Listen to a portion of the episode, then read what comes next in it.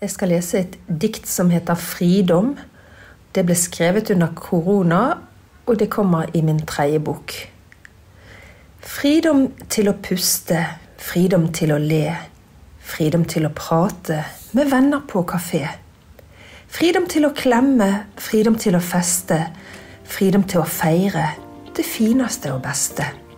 Fridom til å treffes, synge høyt i kor. Fridom til å dele blikk og gode ord. Fridom til å sitte nært og bare lytte. Til leik og til latter. Fridom til å nytte. Fridom til å springe, trene hardt i lag. Fridom til å glede seg til vår neste dag. Fridom til å sjå, fridom til å bytte. Fridom til å tenke at alle har ei nytte. Fridom til å arbeide mot et felles mål. Fridom til å sitte tett ikring eit bål. Fridom til å felle ei tåre nå og da. Fridom til å treffe en du venter på. Fridom til å innsjå at kjelder kan gå tomme. Fridom til å endre seg når ventetid er omme. Fridom til å ete sammen kring et bord. Fridom til å takke vår kjære moder jord. Velkommen til Kunsten å leve med Anne Marie og Anne Marita.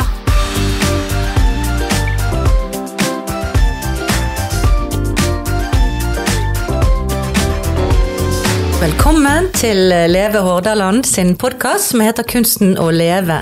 Mitt navn er Anne Marie Ulvolden. Jeg er helsesykepleier. Og min makker er her ved min side som vanlig. Anne Marita Milde, psykologspesialist og seniorforsker.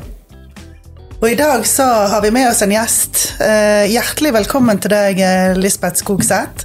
Tusen takk. Ja, Vi eh, oppdaget deg gjennom noen bøker som du har skrevet. Eh, som var utrolig fine. Nå er jo denne podkasten eh, om livets fasetter, kan vi jo si. Eh, og så kom vi over to bøker som du har eh, skrevet, som var veldig fine. Det er sånne diktsamlinger om blant annet eh, ja, ulike fasetter av livet. Så tenkte vi at hun må vi få med i podkasten. Vi er litt sånn nysgjerrig på um, hva som ligger bak disse diktene dine. Noen av de er veldig ærlige, veldig sånn rett på.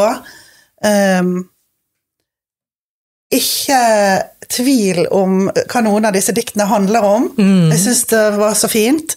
Vi sa litt sånn fra hjerte til hjerte. Ja. Sånn føles det også. Ja. Det gikk rett i mitt hjerte. Ja. Og så, Lisbeth, så vet jeg at du har jo òg um, hatt noen sånne turns i livet som de aller, aller fleste av oss som har levd en stund. Så jeg tenkte kanskje hvis du kunne ha uh, sagt litt om uh, litt av bakgrunnen din, og så um, vet jeg at denne podkasten faktisk skal jo handle veldig mye om Lisbeth sine dikt, så du skal jo få lese en del av diktene dine. Men litt sånn bakgrunn først. I forhold til hen Eh, du endte opp med å skrive dikt, og at det var der du på en måte ja, fant eh, din vei, da? Ja. Det, det ble en stor overraskelse for meg òg at jeg skulle utgi diktbøker. Det hadde jeg aldri planlagt eller tenkt. Men eh, sånn ifra oppveksten så har jeg alltid vært glad i, mer glad i å skrive referat enn å skrive lange stiler, og jeg har alltid vært glad i å rime, sånn på, hvis vi ser helt tilbake til barneskolen. Og så, så har jeg foreldre som eh, Min mor var egentlig nynorsk og, og, la om til bergensk, og min far gikk ofte og snakket sunnmørsdialekt. Men selv om min mor la om dialekten sin, så, så kommer det med masse sånne eh, nynorske kraftuttrykk. Og ja, jeg tror det at eh, de har hatt et veldig rikt språk, har gjort Ligger litt sånn i bakgrunnen for, for skrivingen. Jeg har for eksempel, hadde en tante som var veldig flink til å skrive dikt, så, så, de mener det ligger litt i slekten. Men nå har jeg jobbet som pilot i 27 år, og det var jo ikke akkurat eh, Det er jo en litt eh, stor omveltning å gå fra eh, Pilot til poet? Ja, det, det, er, det er, litt omveltning. Men eh, Det var sikkert ikke så mange dikt som ble deklamert inne i cockpiten Jo, Var det det? Jo, eh, det ble, det ble faktisk eh, Noen dikt ble skrevet i cockpit òg. Ja. Og det ble faktisk eh, sånn at eh, en kollega som jeg fløy en del med, han sa Lisbeth, nå har vi pause, nå går du rett opp på crewrommet og setter deg ned og, og skriver det fint inn, for dette kan bli noe. Spennende. Ja, ok. Så, og så, så jeg deklamerte litt av og til til kollegaene mine, bare for å prøve det ut, og de var kjempeglade. De sa jeg forsto alt sammen. Så jeg tror kanskje, en, kanskje spesielt menn er litt mer opptatt av å forstå når de leser, enn en kanskje kvinner er. Jeg vet ikke. Hva var det som gjorde at eh, det traff eh, et publikum, tror du? Hva, hva er det med de diktene som gjør at du fikk sånne tilbakemeldinger allerede den gangen? Nei, noen har sagt at de kjenner seg veldig igjen, eh, og mange sier at det vekker undring og følelser, og at eh, Ja, at de blir Ja, rett og slett eh, Jeg er bare veldig overveldet. Jeg, ble litt sjokkert over at folk bare sa dette må ikke du legge vekk. Dette må du fortsette med. Jeg tenkte når jeg leste noen av diktene dine fra den første boken, som heter Sart poesi og sosialrealisme, det er jo litt sånn spenstig tittel òg, men da tenkte jeg at um, du har så mange eh, sine stemmer i diktene dine. Mm. Det er ikke på en måte bare forfatteren sin stemme, men det er veldig, veldig mange sine stemmer i de diktene. Det er kanskje litt det som du sier, at de kjenner seg igjen. Eh, Det er nesten som at de snakker til deg. Ok. Ja.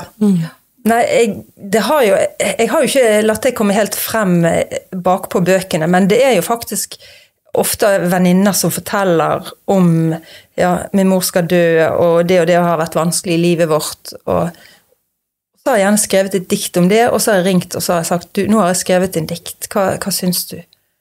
Og da blir de veldig rørt og sier det var akkurat sånn det var.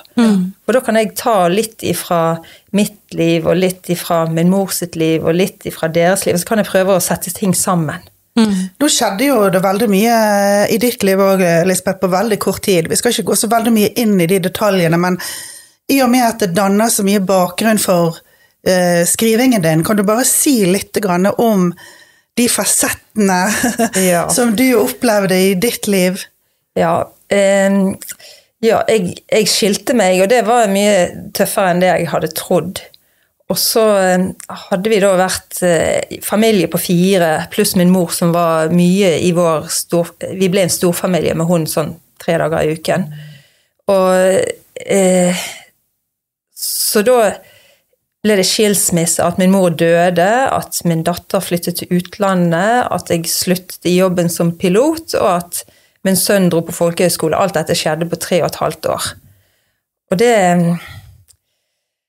Ja, sånn sett Jeg, tenkte ikke så veldig på det den gang, at det var mye. Men andre sa det er mye på en gang. Men eh, jeg tror kanskje det at eh, jeg, eh, jeg har, jeg, jeg, har, jeg har kanskje en litt sterk indre motor, tror jeg. Og så jeg er du nødt til å ha mye gode rutiner, både f.eks. når man jobber som pilot. Så jeg er liksom vant til å stå, komme meg opp, jeg er vant til å trene, jeg er vant til å spise sunt. Og det har hele tiden vært et grunnlag, så jeg har bare tenkt det skal jeg ikke gi slipp på. Eh, og så Og så har du jo humor. For Du Ja. har den andre boken heter så mye som Frekke dikt og humoristiske epos. Så du Ja. skrev jo et frekt lite humoristisk dikt om alt som skjedde på en gang, Ja. jeg. Ja, jeg har, jeg har eh, Det er jo alt mulig i disse bøkene. Sant? Så den blå boken eh, Det blå symboliserer den, det filosofiske. Og den røde, det er liksom eh, lidenskap og kjærlighet og det frekke. Så eh, det viktigste for meg var egentlig når, når eh, eh, vi ble skilt, selv om ikke det var en sånn veldig dramatisk skilsmisse. Det var ikke sånn at en tredjepart er kommet inn og en er kastet ut eller sånn. Men eh, likevel så er det veldig vanskelig å gå fra hverandre etter 30 år. Det er så mye liv som er vevd sammen. Og med to barn. Ja, selv om de var ganske store, de var ganske store, de var 17 og 20, men for meg var det viktig at de ikke skulle føle at de hadde skyld i det. Og jeg tror det var det som egentlig gjorde at jeg fikk skrevet det diktet, hva, hva de betydde for, for meg. Så ja, det er kanskje det viktigste diktet jeg har skrevet, tror jeg. Ja. Kan vi få høre det? Det kan dere få høre. Og det, det heter Ungene mine. Mitt elskede barn, det var deg jeg ville ha. Du har hørt det før, det er sanninger. Du har gleda meg, alt du så og forsto. Det var aldri tvil. Du er mitt blod. Jeg har gjeve slakk, jeg har halde fast. Jeg har trøysta og sunget når håpet brast. Jeg har elska deg når du var lat og sur. Jeg har pusta djupt, tenkt at vinden snur. Jeg ville forklare, vise rett veg. Det blei nokre feilskjær, det veit du og jeg. Det viktigste blir å reise seg att og tenke litt over hvorfor du datt. Du vil klare deg sjøl, vise at du kan. Jeg har trua på deg, du kvinne, du mann. Snart er du voksen, kjærleiken mangedobla. Når du reiser, vit at hjarta våre er seriekobla. Åh. Det er så eh, fine dikt. Du, klarer, altså, du identifiserer deg jo med det. Du kan forestille deg hvordan det er, og det går rett i mitt hjerte. Alle som har barn, så kjenner man seg igjen. Eh, Så det er utrolig fint. eh. Og ikke minst det du sier når du, når du falt. Jeg kom på å tenke på en, som, en ung jente som skrev sånn ta ordet-stil. Og så skrev hun 'mamma, du lot meg aldri falle'. Det, det handler jo om det på en måte at det det er jo vanskelig å være ung, men at hun aldri Alltid var det noen som ordnet opp for henne. Sant? Hun fikk ikke lov å falle. Eller sånn som jeg pleier å si, du får ikke lov å reise deg igjen. Og klare å kjenne på at 'dette klarte jeg'. Mestringen. Jeg klarte det sjøl. Ja. Ja, nei, jeg tenkte litt sånn at som foreldre er det umulig å gjøre alt riktig. Mm. Og jeg tenkte at av og til så har jeg nok vært altfor snill Mm. og tålt for mye, og så var det feil. Mens andre ganger har jeg kanskje vært for streng, og så har det blitt feil. Og så har jeg angret på det. Så, men eh, det som i hvert fall er helt sikkert, er at jeg føler jeg har strukket meg veldig langt for at de skal ja, både, jeg har prøvd både å utfordre og, og hanke de inn igjen. Og prøvd, så er det det man får forskjellige barn. Et barn som eh, liker at du er streng, og så er et barn som bare blir irritert når du er streng. Så det er jo veldig forskjellig. Det, det er noe av det som overrasket meg mest, at barn kan bli så forskjellige. Ja. Den dårlige samvittigheten man alltid har som foreldre, at man alltid skulle gjort noe mer eller noe annerledes, eller eh, det, Man blir aldri fornøyd. Det, som helsesykepleier så har jeg pleid å si at, at det egentlig er godt nok å gjøre de riktige tingene 30 av tiden. Og det, det klarer du. Av og til klarer du både 40, og 50, og 60 og 70 også. Av og til til og med opp i 100. Men, eh, men vi har ofte store, høye forventninger til oss sjøl. Jeg tenker at det her med å, å, å gjøre feil eh, Det er jo ikke det at man gjør feil, man er, man er jo òg noe annet enn bare å være en mor. Menneske. Ja, sant? Altså, man har jo òg sin um, Ja, jeg håper å si personlighet og hverdag, hendelser, bakgrunn, altså alle de tingene som utgjør uh, oss. Eh, og det her med å gjøre feil Jeg vet ikke, jeg liker ikke helt liksom, ord å gjøre feil. Det er vel heller mer at man eh, gjør sine erfaringer på godt og vondt. Ja. Og så er det òg noe med å, mm, å rette opp. Altså hvis man har den evnen, tenker jeg, som en voksen, til å rette opp igjen. Eh, hvis man har tråkka litt uti. Og si eh, Unnskyld, selv om det er et barn. Ja, Ja. selv om det er et barn. Eh, så kan man gå videre sammen. Det blir jo en bedre stabilitet i relasjonen enn hvis man bare tenker at det er min rett som voksen å trakke uti, eh, og så går jeg videre, og så ser man på en måte ikke barnet som står igjen med sine kanskje behov for noe, som ikke blir sett. Mm. Men det er jo så veldig mange andre fine dikt du har skrevet, eh, Lisbeth. Ja, Eh, vi har veldig lyst til at du skal lese ett dikt til. ja jeg, eh, jeg tenkte jeg kunne ta ett fra den røde boken. Den spenstige boken. Ja, og dette er jo egentlig Dette er veldig mye det, det Litt sånn som det var. Altså, jeg Ja, det var nesten litt sånn en hverdag, og eh, dette her Det hadde jeg både Jeg var blitt eh, bil Noen hadde vært borti bilen min på Oasen, på parkeringsplassen. Umulig å finne ut hvem det var. Og så kom jeg litt borti bil, med bil sjøl rett etterpå, og så ja. Så jeg eh, har skrevet et dikt som heter Salt. Ryggen verker, jeg har ikke sovet. Regn og skodde, sjå dette love. Kløkroken knakk, jeg baler, jeg strever. Stein i skoen, litt rart jeg lever. Bilen bulka, sjåføren stakk. Jeg bulka litt jeg òg, jau sjøl takk. Ølet dau, jeg prøver å klage. Får en ny en av samme slaget. Tapte i revkrok, tyggis i håret. Vel, jeg har nå til salt i såret. ja, så, så, så Jeg prøvde jo liksom å ha Jeg tenkte jo Ja, det er jo ganske kjipt.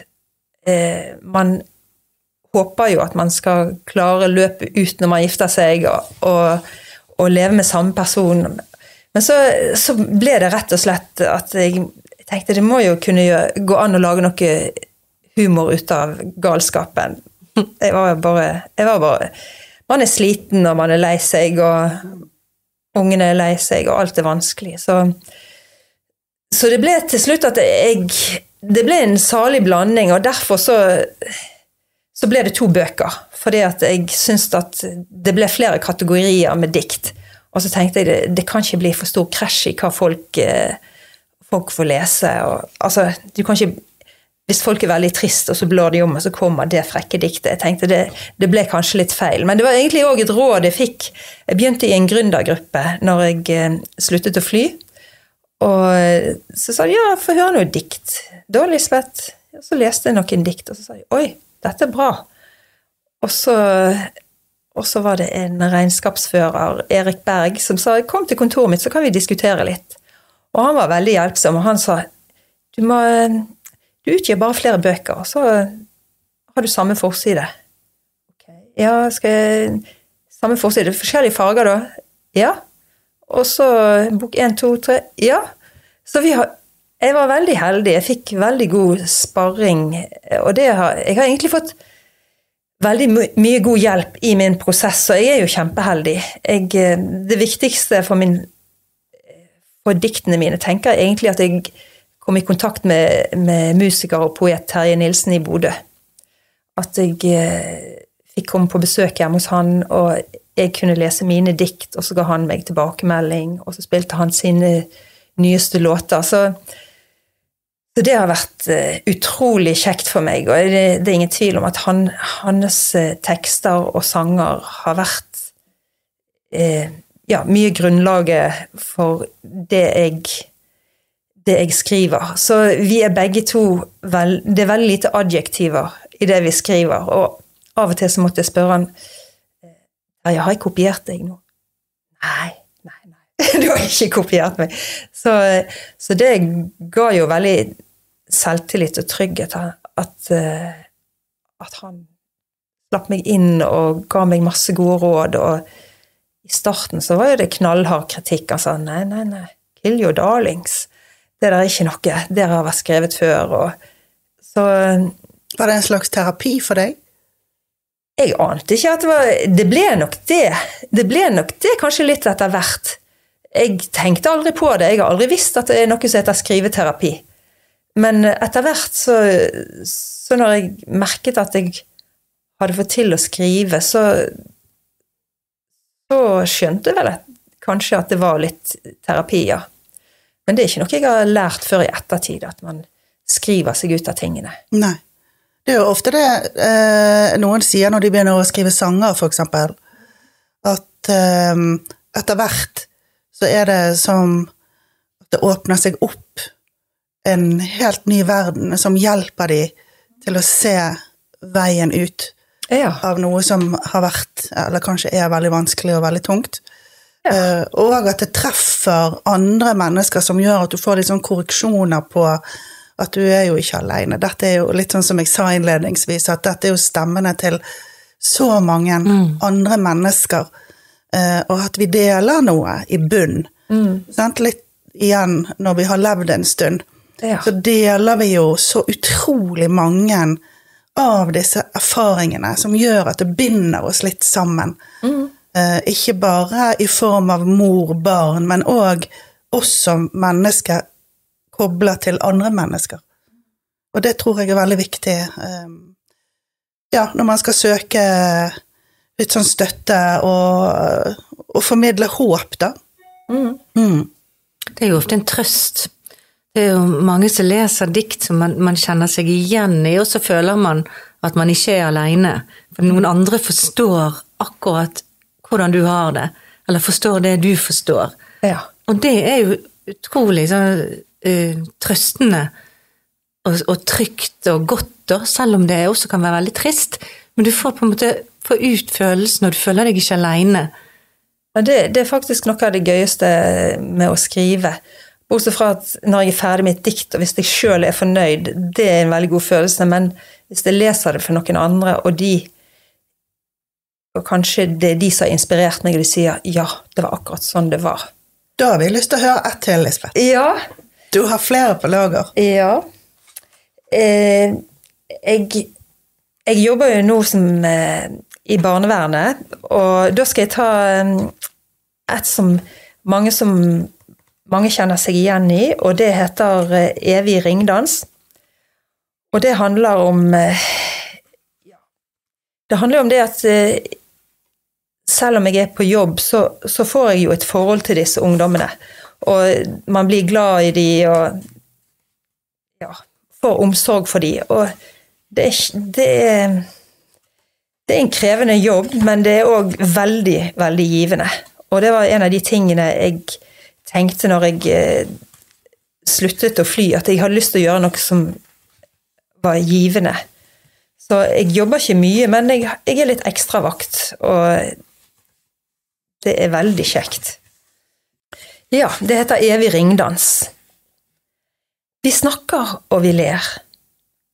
Jeg låner deg jakka mi, hjertet mitt og sjela mi. Du rømmer og blir borte. Du flykter fra de knuste drømmene dine. Du flykter fra de krenkte kjenslene dine.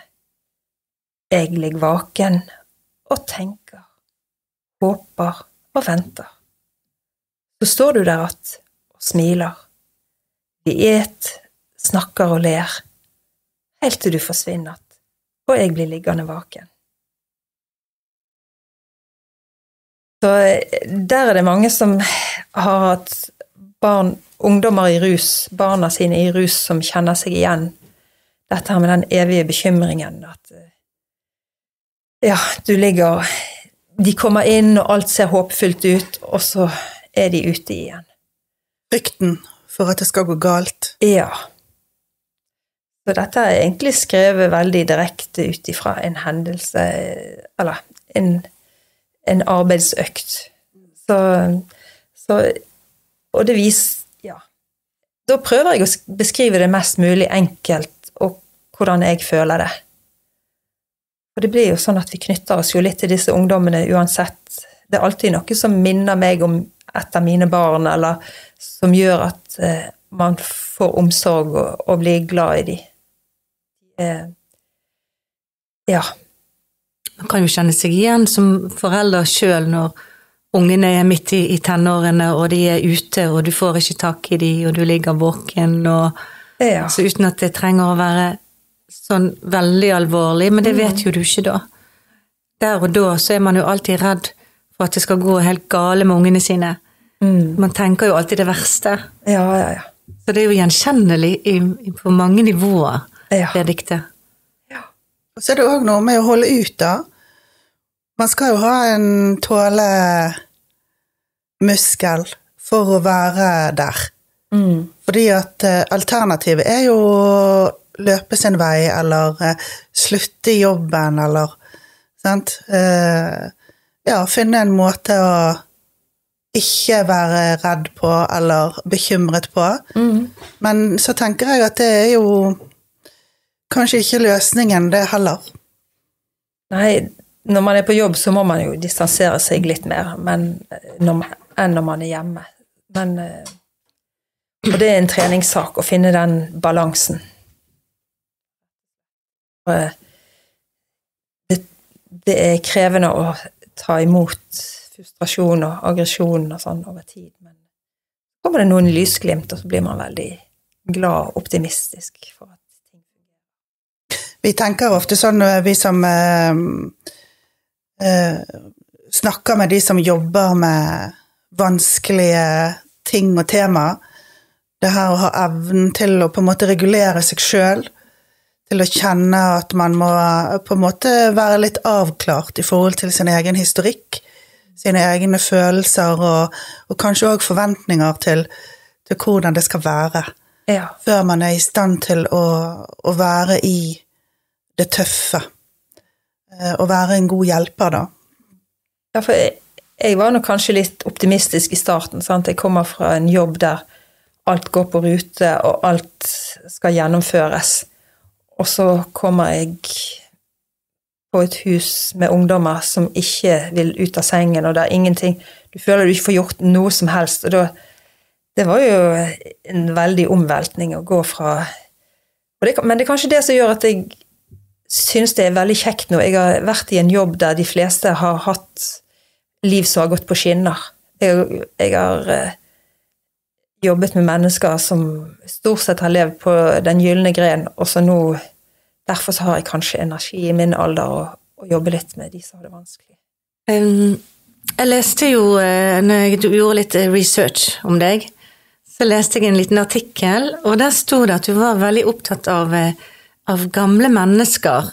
Og du elsket, eller du likte å snakke med gamle mennesker om eh, hva som hadde vært viktig i livet deres, og om det var noe de angret på, eller eh, eh, Ja, litt sånn Det fins jo en bok eh, bok som eh, Jeg husker ikke hva den heter, Fem ting jeg angrer på.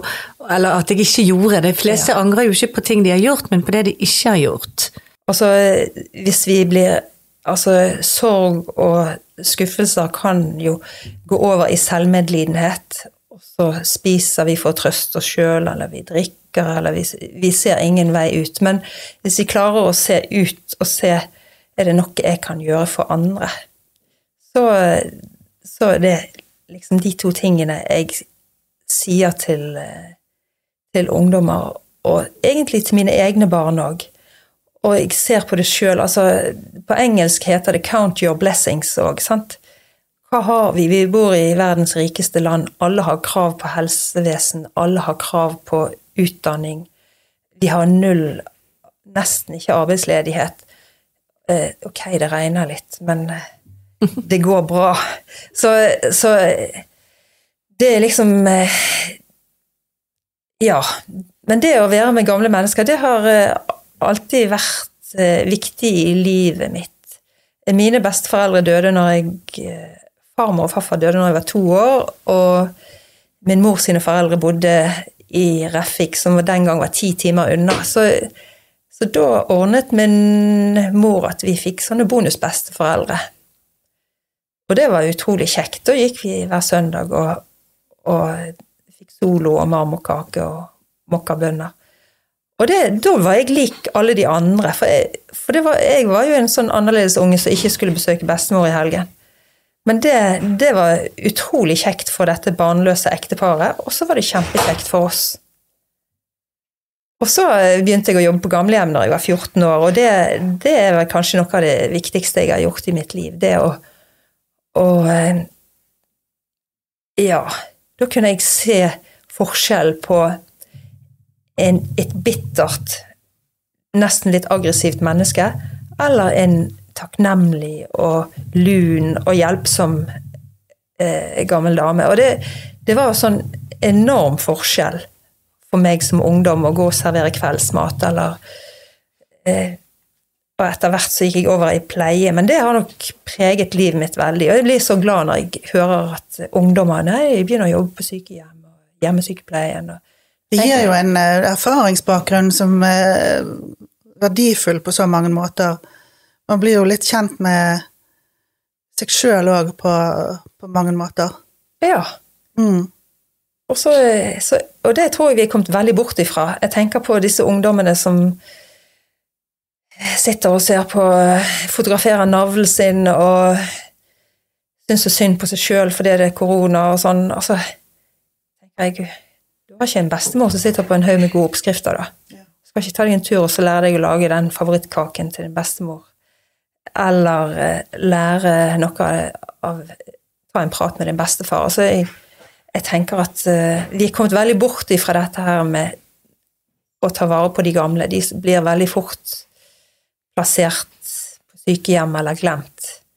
Og jeg tenker at det er en så vanvittig ressurs i et barns liv. Og det har det vært for meg, og det har det vært for mine barn, at vi alltid har hatt gamle mennesker i, på middag eller til bursdager og konfirmasjoner og alt dette. Det er det en av de tingene som jeg tror at har vært viktig for mine barn sin oppvekst.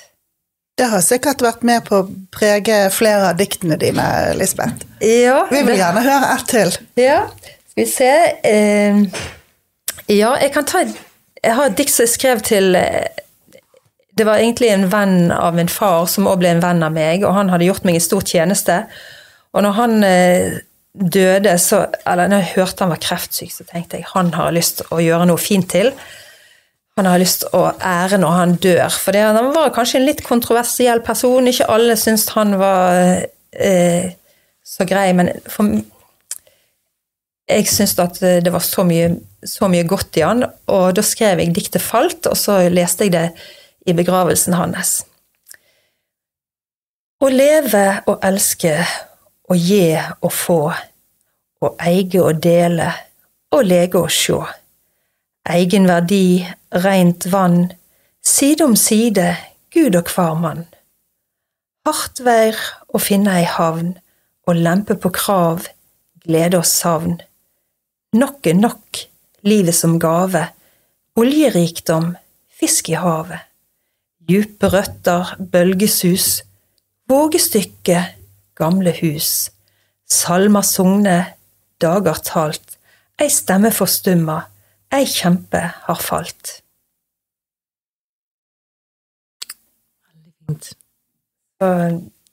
Det er veldig kjekt. Så jeg, at eh, det Jeg merker nå at eh, folk spør om å få lese diktene mine i begravelser og i bryllup og i eh, barnedåp og konfirmasjoner, og det blir jeg veldig glad for å høre. Ja, du har et annet dikt som heter Stjerner, Ja, det og kan jeg Og det syns jeg er bare så utrolig vakkert. Kan du bare si bare veldig kort om bakgrunnen til det diktet? Ja, jeg hadde egentlig begynt å, å skrive på et dikt om en venn av meg som var deprimert, men så, så fikk jeg det ikke til, så jeg la det bare til siden. Og så skulle jeg i et juleselskap, og så sa jeg bare til en av gjestene der Nei, jeg ble nå skilt, jeg. Og så begynte hun bare å snakke, fortelle om sønnen som tok livet sitt. Og så ble det Så snakket vi bare Jeg syns det var utrolig flott å høre hun fortelle, og hun, hun snakket bare videre. Og så, så har jeg en mor som har mistet en, en gutt, broren min, eh, og han var ni år. Og så har jeg en venninne som mistet en sønn på tolv år. Så jeg har Jeg er liksom litt vant, vant til eh, jeg, jeg, Hva skal vi si Jeg er heldig og har hatt mye åpenhet rundt sorg rundt meg. Så, og samtidig, så, når jeg skrev dette diktet, så hadde jeg en veldig trist kveld. Jeg var ikke, var ikke Hadde ikke det så kjekt den kvelden. Så da heter diktet Stjerna. Når mørket vil ta deg, når orda blir tomme, når brystet smerter, når dagen er omme, når tårene renner, når du ikke kan stoppe, når du ikke lenger holder motet oppe, når einsemda grip, når trua vakler, når sinnet svartner, når hverdagen rakner, når du ikke står støtt, når du ikke er trygg, når du ikke helt veit om du har en sterk rygg. Når du tror at lyset og gleda er vekk, kanskje nett da ser du en sprekk. Ei lita glime, ho er ikke stor, var botnen nådd på vår arme jord. Du kjenner at sorga blir en del av å leve, og smake på kjensla, det slit det krever. Sjøl om åra gikk, har ikke huden tjukna, ho er alltid med deg, stjerna som slukna. Jeg syns det er så nydelig, det diktet, for dette sier noe om både fasetter i livet, som vi helt innledningsvis snakket om, men òg fasetter med sorgen, og at det går hånd i hånd, og at selv om det virker tungt, så er det glime. Det er ei stripe Lite håp. av noe. Ja. Og det er så fint at du løfter det frem i det diktet. Um, ja, for det forteller så utrolig mye. Bare de få ordene, men det har en enorm klang. Mm. Jeg husker jo veldig godt at det med huden tjukner, det er jo fra min mor. Altså, Jeg husker at hvis, når vi spurte, eller hun begynte å fortelle om broren min Erik som døde, så, så ble hun så utrolig rørt. Altså, hun ble så sårbar.